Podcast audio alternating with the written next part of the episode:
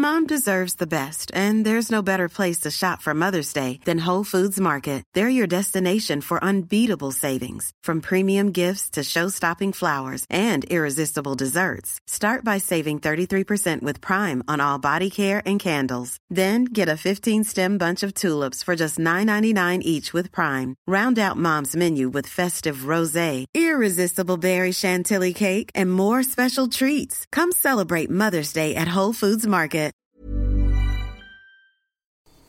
Halo, selamat malam. Apa kabar buat kalian semua? Aku harap kabarnya baik ya. Untuk kamu yang saat ini harinya tidak baik-baik aja, kita sama-sama ngasih energi yang positif, kita sama-sama ngasih afirmasi ke diri sendiri, dan yakin bahwa besok adalah hari yang ngebuat diri kamu jauh lebih indah daripada sebelumnya. Sebelumnya, harus yakin terlebih dahulu, harus senyum, dan banyakin untuk bersyukur. Hari ini kita akan membahas tentang toxic masculinity. Jadi buat teman-teman yang belum tahu tentang arti toxic masculinity, kalau menurut aku pribadi ya, disclaimer, ini menurut aku pribadi, opini belum tentu sepenuhnya adalah fakta. Oke, okay? toxic masculinity kalau menurut aku adalah standar kelelakian, kejantanan di masyarakat yang menuntut lelaki itu harus menyukai ini itu, harus berpenampilan seperti yang divalidasi masyarakat sekitar harus suka sama ini itu demi mendapatkan status kejantanan di lingkungan tersebut. Nah, kalau nggak mendapatkan itu, maka akan dicap sebagai banci, sebagai kayak cewek, gak jantan, dan lain sebagainya. Mungkin sebelumnya ketika aku membawa suatu topik ke podcast ini, terlalu kebanyakan tentang membahas seorang anak perempuan. Nah, untuk kali ini untuk spesialnya aku bakal bahas tentang laki-laki yang di mana pribadi aku juga sendiri dan semoga dengan membawa topik laki-laki ini mengajarkan kepada perempuan nantinya entah itu mendapatkan pasangannya atau mendidik anak laki-lakinya nanti bahwasanya laki-laki juga seperti apa yang bakal aku bahas ke depannya. Jadi aku mau sedikit bercerita tentang pengalaman aku pribadi. Siapa sih yang gak kenal dengan salah satu grup band asal Korea, K-pop ya, Bangtan Sonyeon dan nanti kalau pelafalannya salah bisa dikoreksi atau BTS. Dulu sebelum aku kenal dengan grup band ini, ya aku gak nyampe kata-katain banget ya ketika aku melihat mereka tujuh personilnya ini tampil atau ketika beraktivitas ngelihat kalau mereka nih ya kayak banci gitu kan. Kayak sesama laki-laki pelukan. Ngecap kalau mereka tuh pasti ada yang gay ada yang LGBT terus laki-lakinya ada yang nangis gitu. Salah satu personilnya ada yang nangis. Ketika curhat ada yang nangis gitu. Ya kayak nganggep mereka nih bener-bener kayak cewek gitu kan. Apa sih cowok masa kayak gitu? Cowok masa gak bisa gentle dikit aja masa kayak gini doang nangis masa dipukul pakai kipas doang nangis gitu kan. Sebelum tahu alasan dipukul kipas itu kenapa. Sebelum tahu sejauh ini mereka itu berdiri tujuannya untuk apa. Dan ternyata bener pepatah yang bilang jangan cepet-cepet ngebenci sesuatu bisa jadi kamu jatuh cinta sama hal itu. Ya benar. Mungkin dulunya aku benci bukan benci banget ya maksudnya ya ben sekedar sekedar benci gitu aja kan. Benci sama grup band ini membawa aku untuk jatuh cinta kepada mereka bertuju semua personilnya tanpa terkecuali. Di sini aku bener-bener bawa para fans ARMY kan terus bawa personil BTS itu bukan memancing untuk ala bawa-bawa ARMY biar nanti podcastnya banyak yang dengerin. Bawa-bawa BTS biar kontennya nanti rame enggak sama sekali. Nggak berharap malah. Justru mungkin topik kali ini toxic masculinity aku bawa dan relate banget sama BTS salah satunya yang aku kenal dan yang aku kagumi saat ini aku kalau dibilang sebagai army bukan army banget ya karena aku juga nggak hafal begitu tanggal lahir mereka, tinggalnya di mana, kota mereka itu namanya apa enggak. Ya cuma sebatas tahu dan kenal ya kenal dari jauh aja. Sebatas lewat. Hmm. Nggak sampai tahu banget lah. Bahkan lihat dari nolnya mereka sampai sekarang itu nggak aku tonton, nggak aku rewatch gitu. Cuma tahu lewat-lewatnya aja. Jadi ada salah satu acara mereka namanya In The Soup yang di mana acara memasak-masak gitu. Gak dari semua personelnya ini pintar memasak. Salah satunya Taehyung, JK, dan R RM. Ya nanti kalau salah boleh dikoreksi. Yang pintar memasak itu kan Jin. Sebagai laki-laki yang independen, mereka saling bagi tugas. Ada yang motongin sayur-sayurannya, ada yang berbagi untuk cuci piring, dan lain sebagainya. Bahkan RM yang tinggalnya di lantai atas itu rela-relain untuk bangunin adik-adiknya. Padahal kan kalau kita secara umum kan bisa aja tuh dibangunin melalui handphone dibangunin melalui alarm aja kan.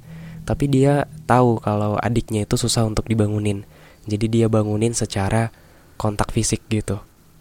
Ini membuktikan bahwa mereka ketujuh tujuh personil ini memberantaskan tentang toxic masculinity.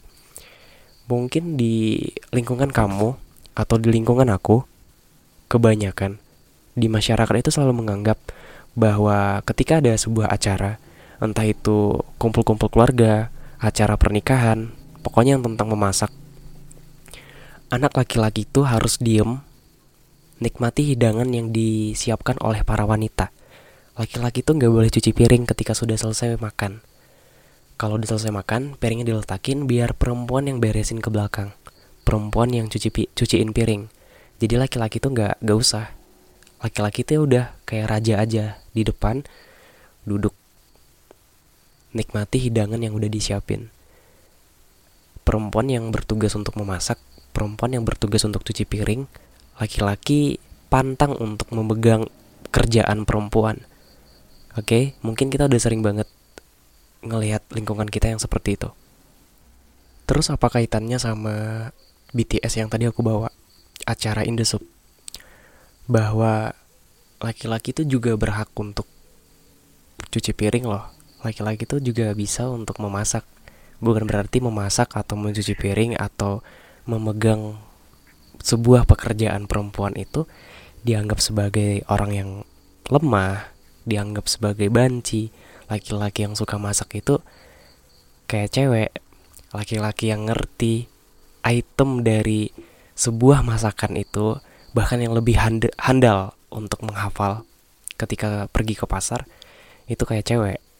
Laki-laki yang pinter dan dan itu kayak cewek.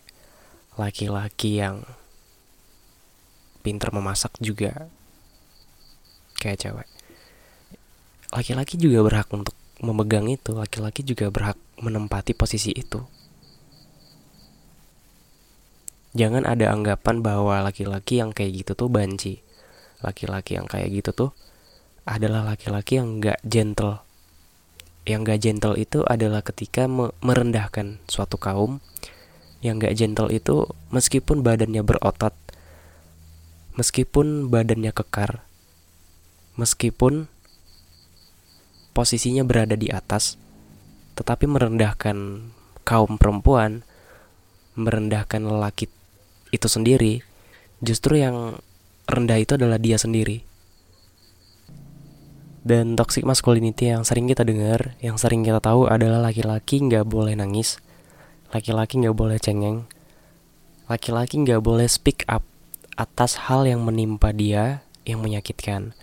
Ketika ada berita duka yang datang kepada dia, dia nggak boleh nangis. Intinya laki-laki nggak boleh mengeluarkan air mata sedikit pun ketika melanggar aturan dari masyarakat yang rendah pemikiran dicap sebagai laki-laki yang lemah, laki-laki yang banci, laki-laki yang mentalnya tipis, setipis tisu dibelah dua.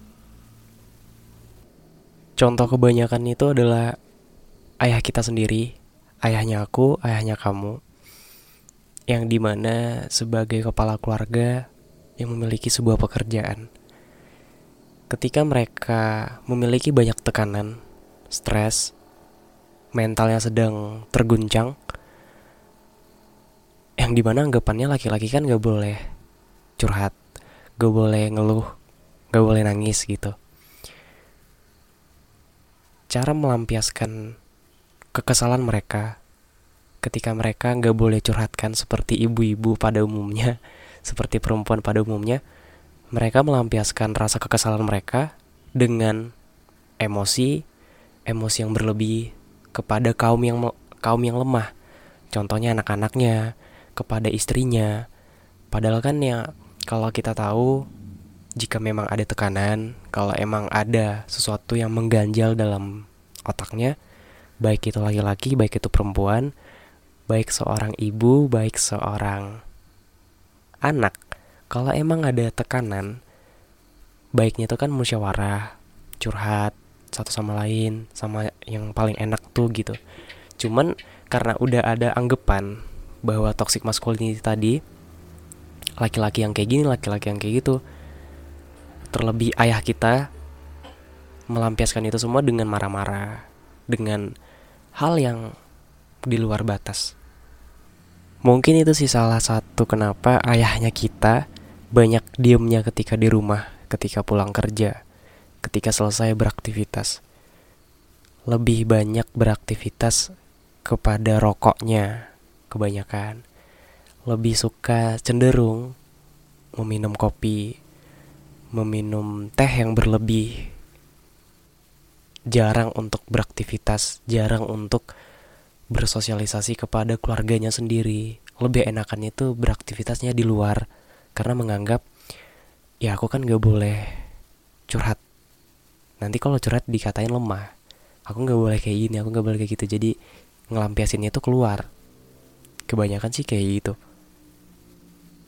Kenapa kebanyakan perempuan yang depresi tetapi cenderungnya untuk bunuh diri itu adalah laki-laki? Padahal kan kalau di toxic masculinity-nya laki-laki kan jarang untuk cerita, jarang untuk speak up tentang masalahnya. Sedangkan perempuan kan lebih leluasa. Nggak pun cerita sama pasangannya, sama suaminya, sama pacarnya, dia kan bisa cerita sama temennya. Ngajak untuk uh, ke kafe, healing sejenak kan kebanyakan yang healing itu kan perempuan gitu beli-beli barang yang dia suka sedangkan laki-laki lebih mengedepankan untuk kebutuhannya si perempuan gitu. Kenapa kenapa? Apa berbanding terbalik? Apa toxic masculinity ada bagusnya gak sih gitu? Mungkin nanti kita bisa cek bareng-bareng ya. Tingkat bunuh diri yang paling tinggi itu siapa yang paling banyak laki-laki atau perempuan? Ya laki-laki yang banyaknya. Ini menekankan bahwa laki-laki juga mengharuskan berhak untuk speak up tentang dirinya. Boleh untuk curhat terhadap temennya, teman kerjanya, kepada istrinya, kepada pasangannya, kepada pacarnya. Laki-laki juga boleh untuk menangis. Laki-laki juga butuh untuk dipeluk. Laki-laki juga butuh untuk ditenangkan laki-laki nggak apa-apa bersikap seolah-olah seperti anak kecil. Laki-laki juga nggak apa-apa untuk terlihat manja. Berbanding terbalik untuk perempuan yang bersikap dewasa di sini. Orang yang sudah berani untuk melakukan hal yang dilarang oleh agama, dilarang oleh masyarakat umum, oleh negara, berarti orang tersebut mengalami banyak tekanan, mengalami banyak masukan yang tidak bisa diolah lagi. Banyak pikiran gitu. Kebanyakan laki-laki tadi bunuh diri itu tadi Ya karena toxic masculinity gak sih? Secara toxic masculinity tadi bilang laki-laki yang kayak gini tuh seperti banci laki-laki yang kayak gini yang banyak banget aturan terhadap laki-laki membuat dia menjadi malu untuk mengungkapkan jati dirinya. Dia pengen curhat dikit aja ada pikiran nanti aku dicap sebagai banci, nanti aku seperti perempuan, nanti aku ada jiwa-jiwa feminimnya. Gak usah deh, mending aku ini aja.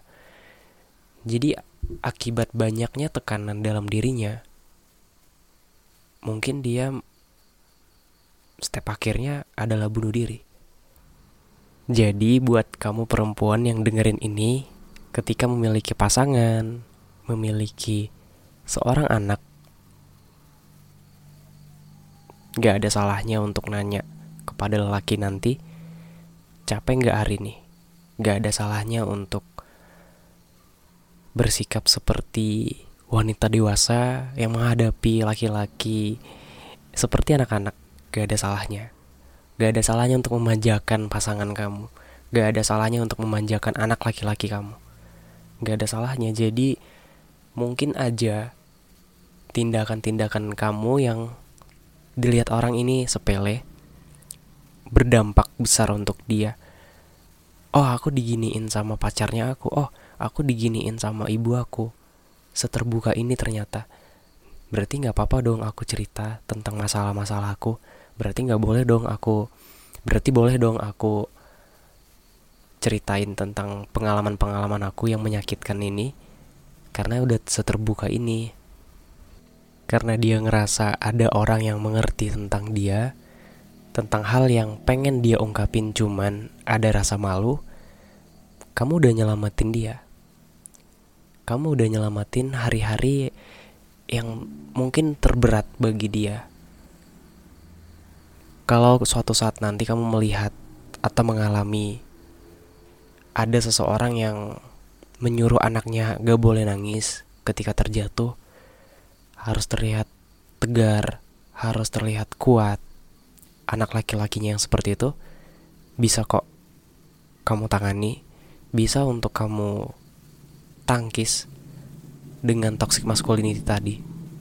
Bahwa laki-laki juga berhak untuk menangis laki-laki juga berhak untuk mendapatkan pelukan.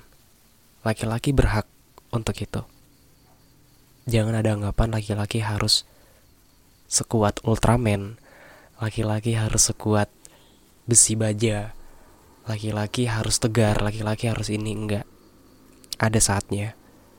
Karena manusia itu adalah laki-laki dan laki-laki itu juga manusia. Setiap manusia punya perasaan laki-laki juga punya perasaan, bukan perempuan doang. Yang punya perasaan itu pasti ada bentuk emosionalnya. Entah itu nangis, entah itu seneng, kesel. Udah aku bahaskan di episode sebelumnya. Laki-laki juga berhak untuk diapresiasi kegiatannya. Gak apa-apa kok ditanyain kegiatannya. Gak apa-apa kok ditanyain tentang hari-harinya. Eh kamu hari ini ada cerita apa? Gak mungkin kan seterus-terusnya itu perempuan doang yang, yang ditanyain perempuan doang yang dimengerti. Gak apa-apa laki-laki juga mau untuk dimengerti. Laki-laki juga pengen dimanja. Jangan ada toxic masculinity di antara kita. Oke nggak terasa ya udah 18 menit lebih. Biasanya cuma 6 menit 10 menit. Kali ini 18 menit pecah rekor. Oke, okay. barangkali ini episode yang membawa tentang topik laki-laki dan kamu yang perempuan dapat mengerti bahwa laki-laki juga seperti apa. Karena aku pribadi laki-laki. Uh, makasih untuk kamu yang mau dengerin ini sampai habis. Makasih banget. Makasih untuk nantinya kamu mau mengertiin laki-laki. Oke, okay, see you next time. Bye bye. Mom deserves the best, and there's no better place to shop for Mother's Day than Whole Foods Market. They're your destination for unbeatable savings, from premium gifts to show-stopping flowers and irresistible desserts. Start by saving 33% with Prime on all body care and candles. Then get a 15-stem bunch of tulips for just $9.99 each with Prime. Round out Mom's menu with festive rosé, irresistible berry chantilly cake, and more special treats. Come celebrate Mother's Day at Whole Foods Market.